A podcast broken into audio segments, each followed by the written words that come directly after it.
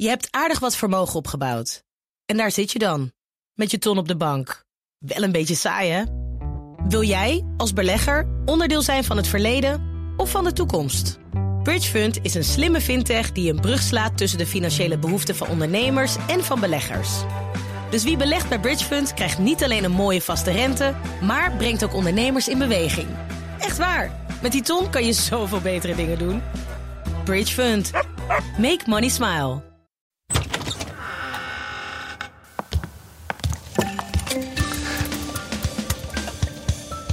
Je typen. Heel goed. Dat is mijn laptop. Ik, ik zie je ook typen trouwens. Dus het is heel, heel, heel verfrissend weer. Om samen in één studio te zitten. Sophie van Leeuwen. eerst sinds, nou, februari. Voor de Ja, coronatijd. ergens in, ja, hooguit begin maart inderdaad. Misschien begin maart. Ja. Nou, leuk je weer te zien. Sophie, hoe is het leven? Nou, eh, het is weer vrijdag, hè? Dus dan moeten we nog even doortrekken naar de ministerraad. Ehm, Het was een, eh, nou, een beetje wissel, wisselvallig weekje in Den Haag. Een beetje van alles wat. Een paar debatjes. Het werd niet heel erg spannend. Ehm, ja, verder had ik gehoopt vannacht een pensioenakkoord te hebben. Maar Maar nee. ja, ik zat nog te appen midden in de nacht eh, met de voorlichter van Wouter Koolmees. En eh, nou, dat ging zo om 12 uur. En heb je al wat nieuws? Nee, we zijn nog rustig aan het praten. Toen zei ik, nou, weet je, ik ga slapen. Als je nieuws hebt, dan vertel ik het wel om 6 uur op de radio. Kun je het even, zeg maar, uitgebreid appen straks? Nou, om 2 uur s'nachts. Zojuist een constructief gesprek afgerond. Opnieuw stappen gezet. Je hebt Maar- een Kamerlid gewoon laten notuleren voor je. er staan nog punten open. Morgen spreken we verder. Inhoudelijk doen we vooralsnog geen uitspraken over lopende processen. Nou, er was een ander Kamerlid, dat was ook heel grappig, van de SP. Bart van Kent, die begon mij ook tegen middernacht te appen. Want de SP die doet niet mee, hè? die staan buitenspel. Want GroenLinks en, en PvdA praten met Koolmees en de sociale partners. Ja, eh, Sophie, oh, dan moet ik even die app erbij pakken. Eh, Sophie, ja, heb je al... eh, jij slaapt toch in de hal van sociale zaken? Ik had gezegd dat ik mijn slaapzakje zou meenemen gisteren. Heb je al bericht gehad dat er iets gaat komen? Toen zei ik, nou, weet je, eh, ik ga slapen. Tot morgen, wel te rusten. Ik zet de wekker om half zes. Maar dat was een grote teleurstelling. Ja. Geen pensioenakkoord. Nou ja, we hadden al een pensioenakkoord vorig jaar. Ja, Maar ja. geen uitwerking van Nee, het precies. pensioenakkoord. Ik ga trouwens even nog een andere teleurstelling met je delen. Laurens Boven die heeft zich ziek gemeld voor vanmorgen. Dit is wel nieuws om Den Haag. Jij bent Sofie van Leeuwen, ik ben Mark Beekhuis. Ehm, ik heb wel van Laurens nog een klein stukje geluid gekregen. Dan gaan we zo nog even verder over het pensioenakkoord hoor. Wat, want die teleurstelling, daar zijn we nog niet overheen. Maar eh, dit- vind ik wel. Hij stuurde van de week stuurde die een, eh, een geluidsbestandje en zei: Nou, dit is heel grappig. Dus even kijken wat hij gestuurd heeft. Had er dan nog de optie, ehm, we wachten nog een paar jaar of we beginnen nu. Meneer Timmermans, kunt u ons nog zien of horen? Of allebei? Meneer Timmermans, wij horen u niet meer. We zagen u al niet, maar we horen u nu ook niet meer. Ik schors de vergadering. Ja, Dat is echt slapstick dit. heel grappig. Eh, eh, Eh, typisch voor de- deze tijd, corona. We hebben geluid en we hebben beeld. Nou, hoe is het mogelijk? Nou, het is gelukt. Maar dat is dus eh, voor deze week met eh, Laurens Boven nog even niet. Die is eh, geen geluid, geen beeld. Ze doet het even met z'n tweeën. Symbolisch. Ja. Timmermans, ja. Niet in de Tweede Kamer vanuit Brussel dus. ja, kennelijk. En, Of ehm, aan het thuiswerken, wie zal het zeggen. Een ander nieuwtje dat ik nog wel met je moet delen. de roddel in Den Haag. Wouter Koolmees van het pensioenakkoord... die is gestopt met roken. Dat heeft ook te maken met het, met het pensioenakkoord. Nou, eh, vorig jaar was het dus elke keer als ze naar buiten kwamen... in die onderhandelingen en het werd spannend... dan ging die sigaretje roken. En dan zag ik hem op een balkon staan, helemaal boven... vanuit die hal. En dan zwaaiden we naar elkaar. En dan, was het, dan stak ik mijn duimpje omhoog. Of ging ik een beetje zo naar beneden. Van, is het, is, eh, zijn, gaat het goed? Gaat, zijn jullie er niet uit? Wel. En eh, dat was... een mooie soort van Kremlin-methode om een beetje Ja. te kijken van hoe dat nou eigenlijk ging. Nu kunnen we dat niet meer zien bij die onderhandelingen, want hij gaat niet meer buiten staan roken.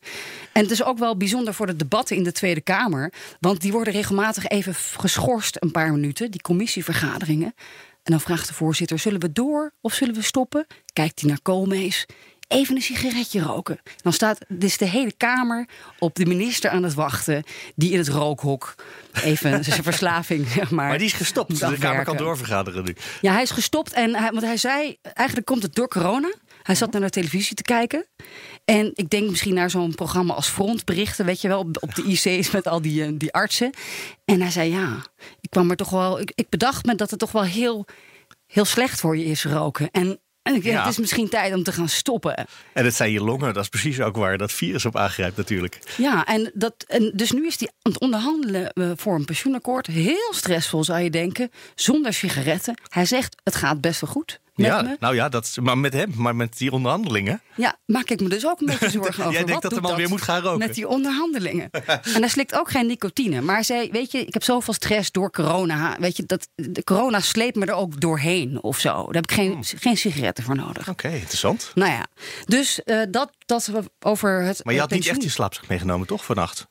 Nee, want ze hadden eigenlijk aangekondigd dat het geen nachtwerk zou worden. Dus ik had geen slaapzak bij me. Zelfs niet, nee. Maar volgende week, dan neem ik mijn slaapzak wel mee. En dan, je hebt van die bankjes op het ministerie. Dat meen je zo lekker gaan liggen.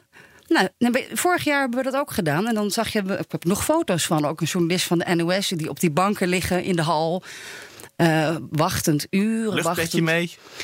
ja, dat, ja, dat nog net niet. Dat was niet nodig, want dat, je kunt daar wel liggen. En dan werd er één keer in de zoveel tijd werd er warme chocolademelk eh, geserveerd door de chauffeur van Koolmees. Het is geweldig. En die kwam dan af en toe kwam, er- kwam er, werd er iets naar beneden gestuurd van stuur die journalisten nog een paar Snickers en Mars om ze overeind te houden. Maar eigenlijk lagen wij gewoon te pitten. Die die hadden chocolademelk niet nodig. Nee. Maar, Dus- maar ja, toch. Oh, dit is, er zou eigenlijk dus in de Tweede Kamer voor de journalisten zouden er een paar bedden georganiseerd moeten worden. Ja, van die stretchers. Ja, maar één keer in de zoveel tijd. Het gebeurt niet zo Ah, ja. vaak. Maar volgende week eh, ben ik bang, als ze er nu dus niet uitkomen, dat dat wel eh, ja, noodzakelijk wordt. Ja, want eh, dat, moet, dat moet binnenkort geregeld. Hè. Dat had, zou halverwege deze maand geregeld moeten worden. Nou, het is vandaag de 12e. Dat is ongeveer halverwege deze maand. Ja, we hadden eerder er nog een datum, de 19e. Nou ja, goed, de Kamer moet er nog iets over zeggen. Maar de FNV-leden moeten er ook nog overheen plassen. Dus ja, het- gaat het lukken voor de zomer? Dat is de grote vraag. Nou, met wat je er nu van zegt, klinkt het er helemaal niet naar. Terwijl in de afgelopen weken heb ik al een heel aantal keren gehoord dat ze er bijna uit waren. En jij zegt het nu ook weer over volgende week. Ja, maar als ze zeggen dat ze er bijna uit zijn, dan betekent het dat je dan je slaapzak moet meenemen. En dat, je, dat, ja. dan nog, eh, dat het dan pas echt Dan begint het nog. spannend wordt. Ja, nou oké, dus dat is eh, wel weer iets wat ge- eh, gebeurd is deze week. Echt een serieus debat over de pensioenen. Wat is er nog meer gebeurd in Den Haag? Ik had het idee dat het voor de, voor de politiek niet zo'n hele spannende, interessante week was. Hè? Nou, het was niet heel spannend in die zin dat eh, ja, de coalitie steunde Barbara Visser bij de hè, marinierskazerne in Zeeland. We wisten eigenlijk van tevoren al dat, er niet, dat niemand, ook van Huffelen, echt in de problemen zou komen.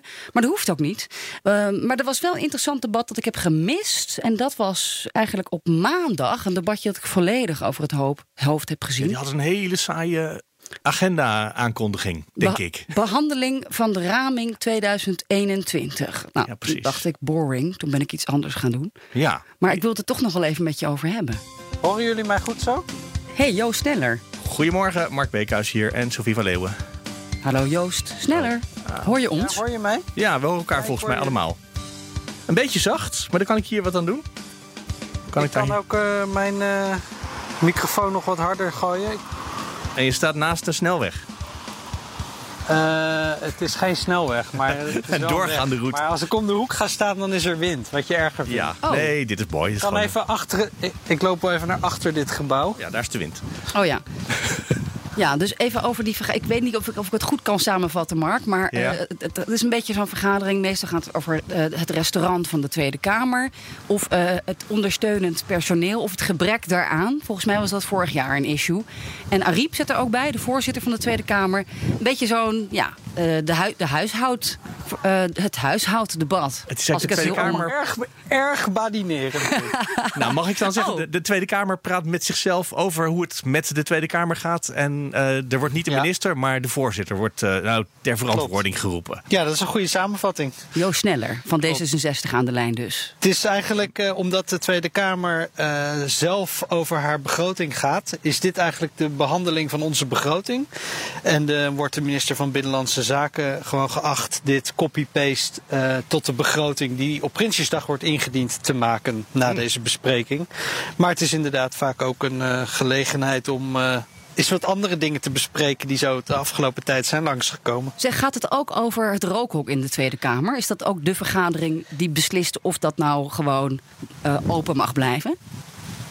Are you asking for a friend? Um, nee, de, de, zo gedetailleerd is het niet. Oh. Maar uh, ik sluit niet uit dat er wel eens uh, een motie over zal worden ingediend. In het verleden is er bijvoorbeeld wel daar besloten dat er bitter lemon uh, in de kamerrestaurants moest komen. Zeer terecht. Dus dat detailniveau wordt. Zo, dus het gaat van hoogstaand staatsrecht naar zeer praktisch facilitair. Heb jij ja. voorgestemd toen of tegen de bitter lemon? Dit is voor mijn tijd. Dit was een VVD-Kamerlid, maar toen was ik medewerker. En ah. toen mocht ik niet stemmen, helaas. Ja, want ik dacht als Koolmees is gestopt met roken, dan kan het rookhok wel dicht in de Tweede Kamer. Toch? Grapje. Ik, er, er, zijn nog wel wat rokers over. Maar goed, deze week ging het dus over uh, ja, toch iets waar ik jou al eerder over sprak in de wandelgangen, uh, Joost. Uh, al, al heel vroeg in de coronacrisis zag ik jou al een beetje geërgerd over de D66-fractie ijsberen. Van wat gebeurt er in die commissievergaderingen en um, in het presidium en het, het, parlement kunnen we ons werk nog wel doen? Want het zit eigenlijk een beetje op slot in de coronacrisis. Weet je dat nog toen we elkaar spraken? Ja, ja dat weet, weet ik heel goed. Dat is drie maanden uh, terug. Het was, het, ja, tweeënhalve maand terug of zo. Het was een behoorlijk lege Tweede Kamer in ieder geval. Uh, en ja, ik maak me wel, maakte me toen en maak me ook nu uh, wel zorgen over dat het, uh, het, controlerende werk van de Tweede Kamer, maar ook de wetgeving wel gewoon door kan gaan. En dat was toen net nou ja, gebeurd, of niet? Toen was eigenlijk net het licht uitgegaan toen ik je tegenkwam. ja, of voor de tweede keer was het, de, het licht uitschakelen was verlengd. Um, en dat gebeurde allemaal via brieven van het presidium. Terwijl uh, daar geen enkel artikel uit het reglement van orde in die brief voorkwam. En voor, volgens mij het presidium daar ook helemaal geen bevoegdheid toe had. Dus het zat zowel in de, uh, het proces.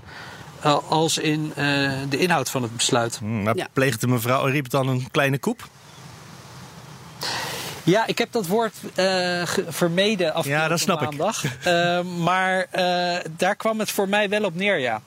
Ze heeft dat uh, het presidium uh, in overleg met de fractievoorzitters gedaan. En ik snap ook heel goed uh, wat zij zegt. Hè. Er was geen draaiboek over hoe je in dit soort situaties moet handelen. Maar het reglement van orde geeft niet voor niks de spelregels van de Kamer weer. Ook in gevallen van nou ja, nood, zoals het nu was. En daarin staat gewoon dat de vaste Kamercommissies over hun eigen werk gaan. Dus, dus niet mijn fractievoorzitter en niet het presidium.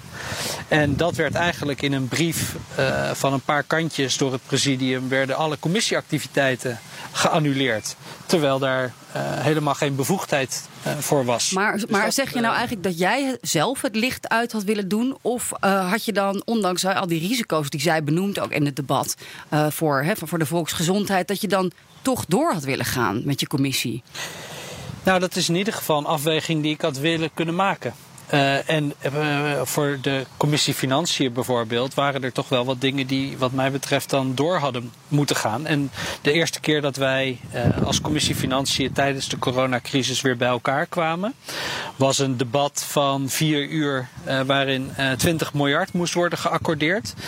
hebben wij ook een procedurevergadering gedaan waarin we ook hebben gevraagd ja, welke mogelijkheden zijn er om als commissie dan digitaal te vergaderen. En dat verder uit te zoeken. Om bijvoorbeeld de commissiedonor over de toeslagen te kunnen horen. Uh, of uh, zometeen misschien ook een debat te kunnen doen wat digitaal uh, plaatsvindt. Zoals in gemeenteraden, maar ook in het Britse House of Commons wel gebeurt. Maar je vond het dus ook ja, wel heel he heftig om in vier uur tijd 20 miljard te moeten accorderen. En eigenlijk een soort carte blanche te geven aan minister Hoekstra en? Uh, ja, dat waren uh, vier, uh, zoals het dan heet, incidentele suppletoren begrotingen. met vier verschillende ministers die het ondertekenden. waarvan Hoekstra er geen één was, maar die het wel verdedigden. Ehm, ja, nee, dat was natuurlijk ook heel vreemd. En ook wel, er was kamerbreed wel veel begrip dat er weinig precisie was. En weinig onderbouwing over de doeltreffendheid van die maatregelen.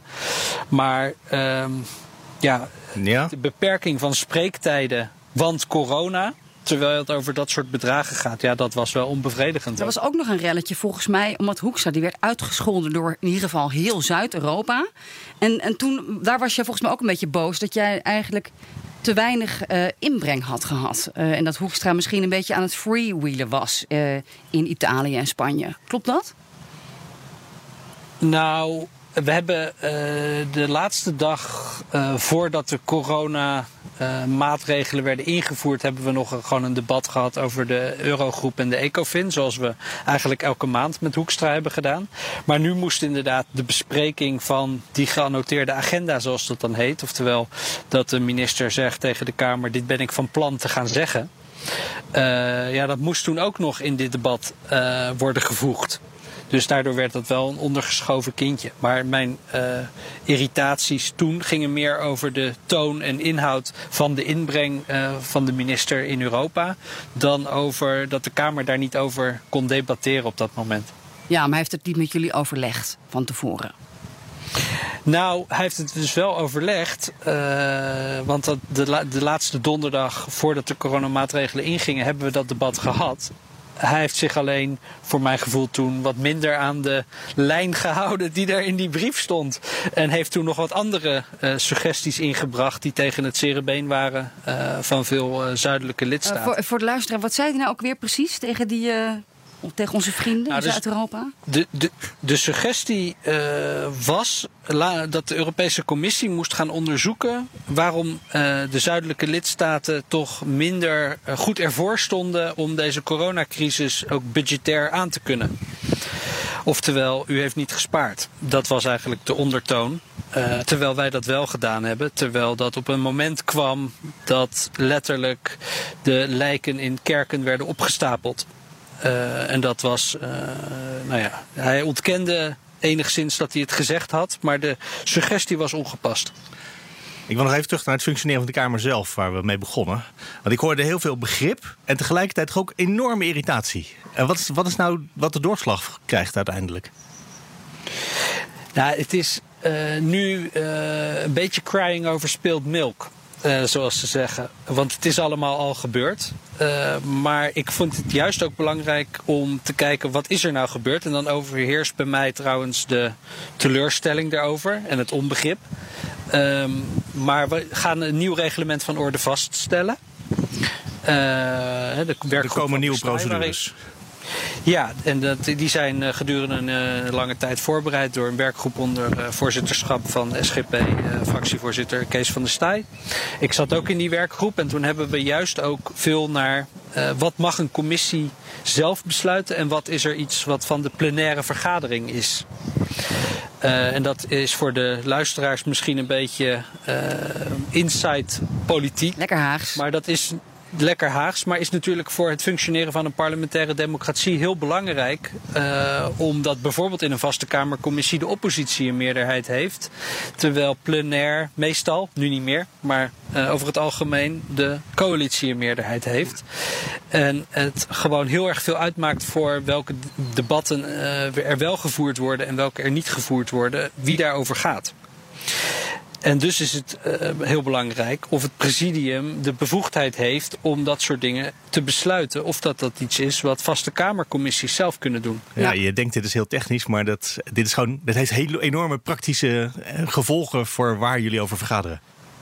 Ja, en verder vind ik, daarnaast vind ik het ook belangrijk, kijk, als er een crisis is, uh, en ik was ook de initiatiefnemer bijvoorbeeld van de Designated Survivor, uh, waar veel mensen uh, grappig, grappend over hebben gedaan. Maar wat mij betreft moet je dus juist op het moment dat de crisis er niet is, goed nadenken over hoe gaat het als er wel een crisis is. Ja. En daar is dit natuurlijk een hele belangrijke moment geweest nu rond de coronacrisis om na, als het ware een stresstest van hoe onze democratische regels werken te doen. Ja.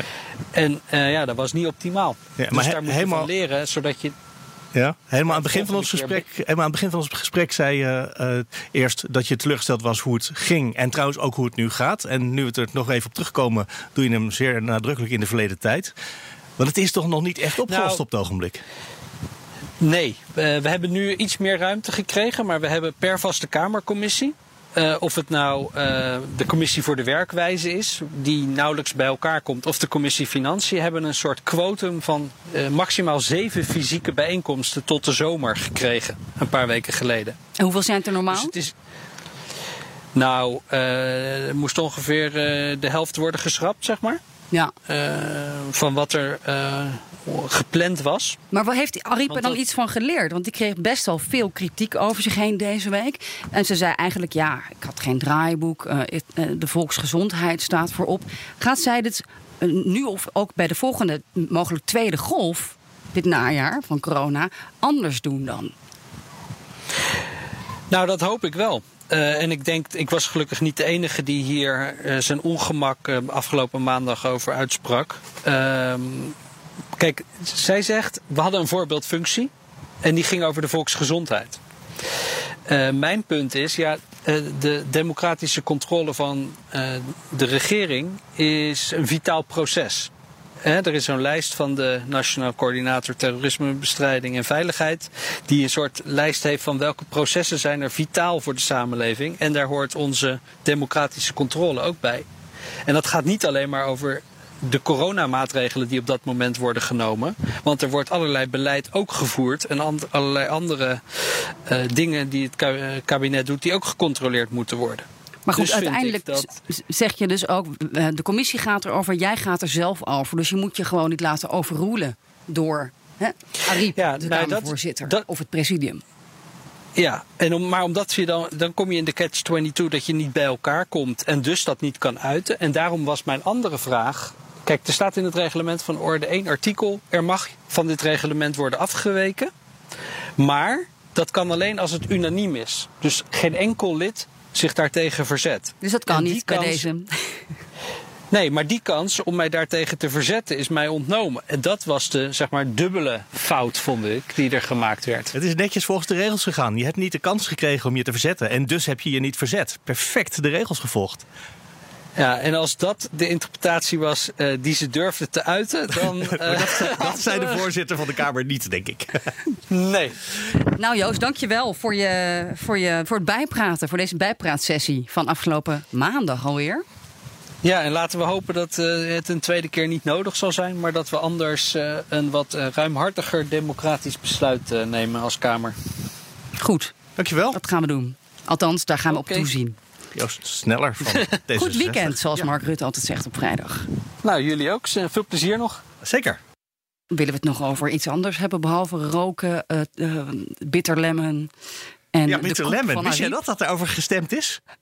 Ja, hilarisch toch? Ik zei je toch dat het de huishoudcommissie is? Ja, precies. Dus ik ben benieuwd wat er volgende week op het, of volgend jaar op het menu staat. Bitter- ja. na, na het reces. Wij zouden het nog kunnen hebben over de, de compensatieregeling voor de slachtoffers van de belastingaffaire, de toeslagenaffaire. Ja. Als je wil. Daar heb ik een heel klein stukje van, moet ik heel even snel opzoeken, want dat heb ik natuurlijk vergeten klaar te zetten. Horen we Renske Leijten. Dit debat gaat over rechtsbescherming en uh, rechtsgelijkheid. En het gaat over het goedmaken wat jarenlang fout is gegaan.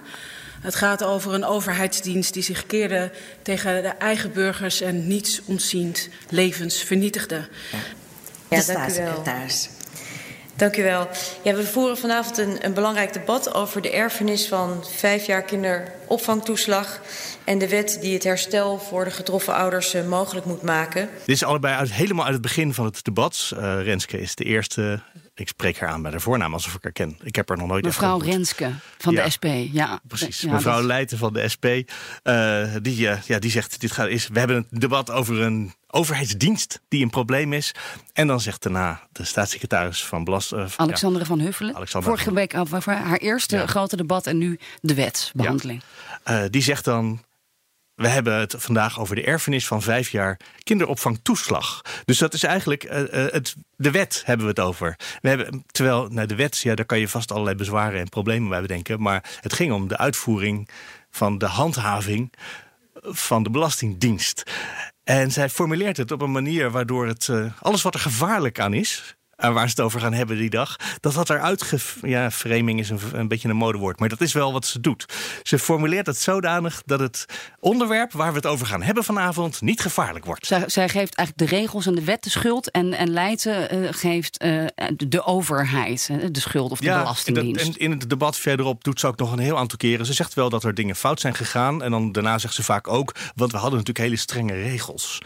En dat is zo. Dat is een deel van het probleem. Dat is niet onwaar. En dat is ook, daarom kan ze het ook doen. Is het heel lastig om er iets van te vinden hier.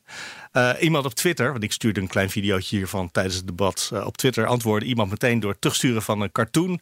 Waarbij twee politici tegenover elkaar staan. En op de grond ligt een, uh, een cijfer. En de een die staat ervoor en die zegt: Ik zie duidelijk een 9. En de ander zegt: Het is een 6. En ze hebben natuurlijk allebei door hun standpunt hebben ze gelijk. dat maakt het ook ingewikkeld.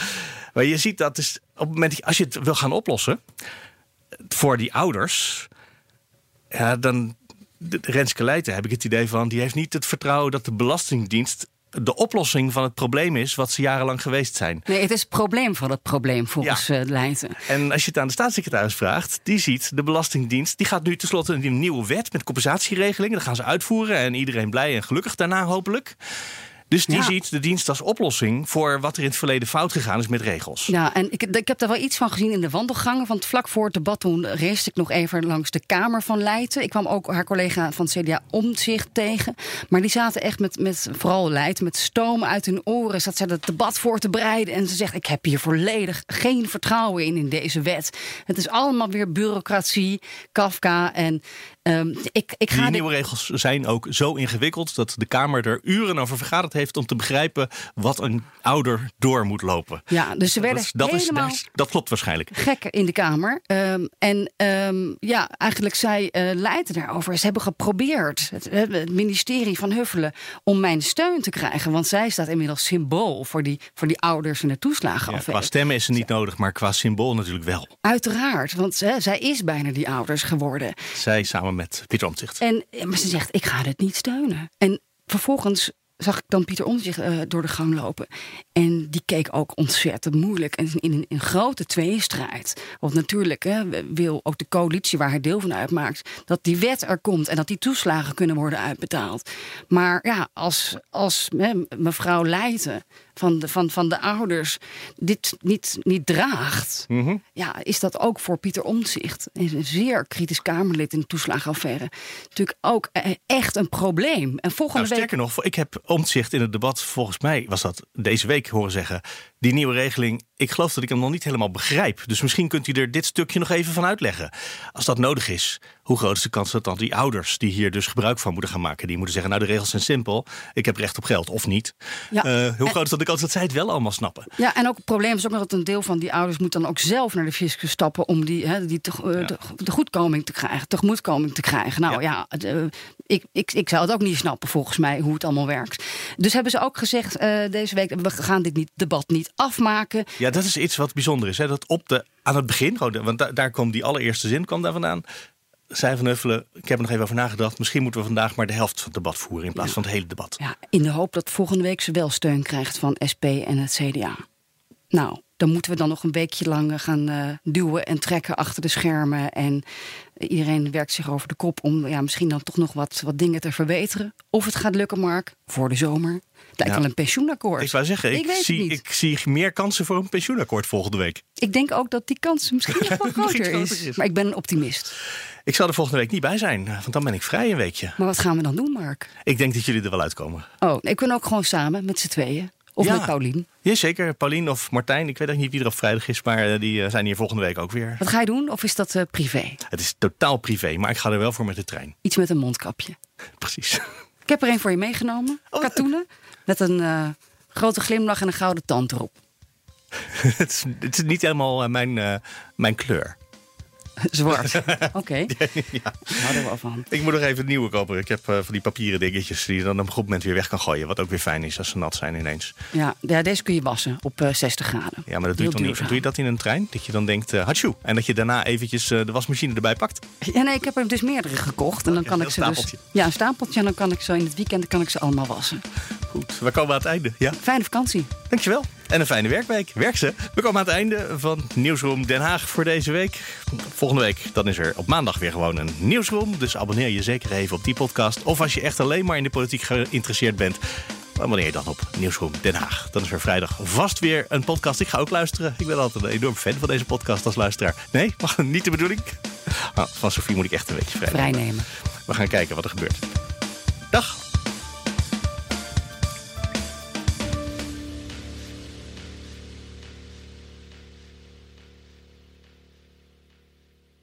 Je hebt aardig wat vermogen opgebouwd. En daar zit je dan, met je ton op de bank. Wel een beetje saai, hè? Wil jij, als belegger, onderdeel zijn van het verleden of van de toekomst? Bridgefund is een slimme fintech die een brug slaat tussen de financiële behoeften van ondernemers en van beleggers. Dus wie belegt bij Bridgefund krijgt niet alleen een mooie vaste rente, maar brengt ook ondernemers in beweging. Echt waar, met die ton kan je zoveel betere dingen doen. Bridgefund. Make money smile.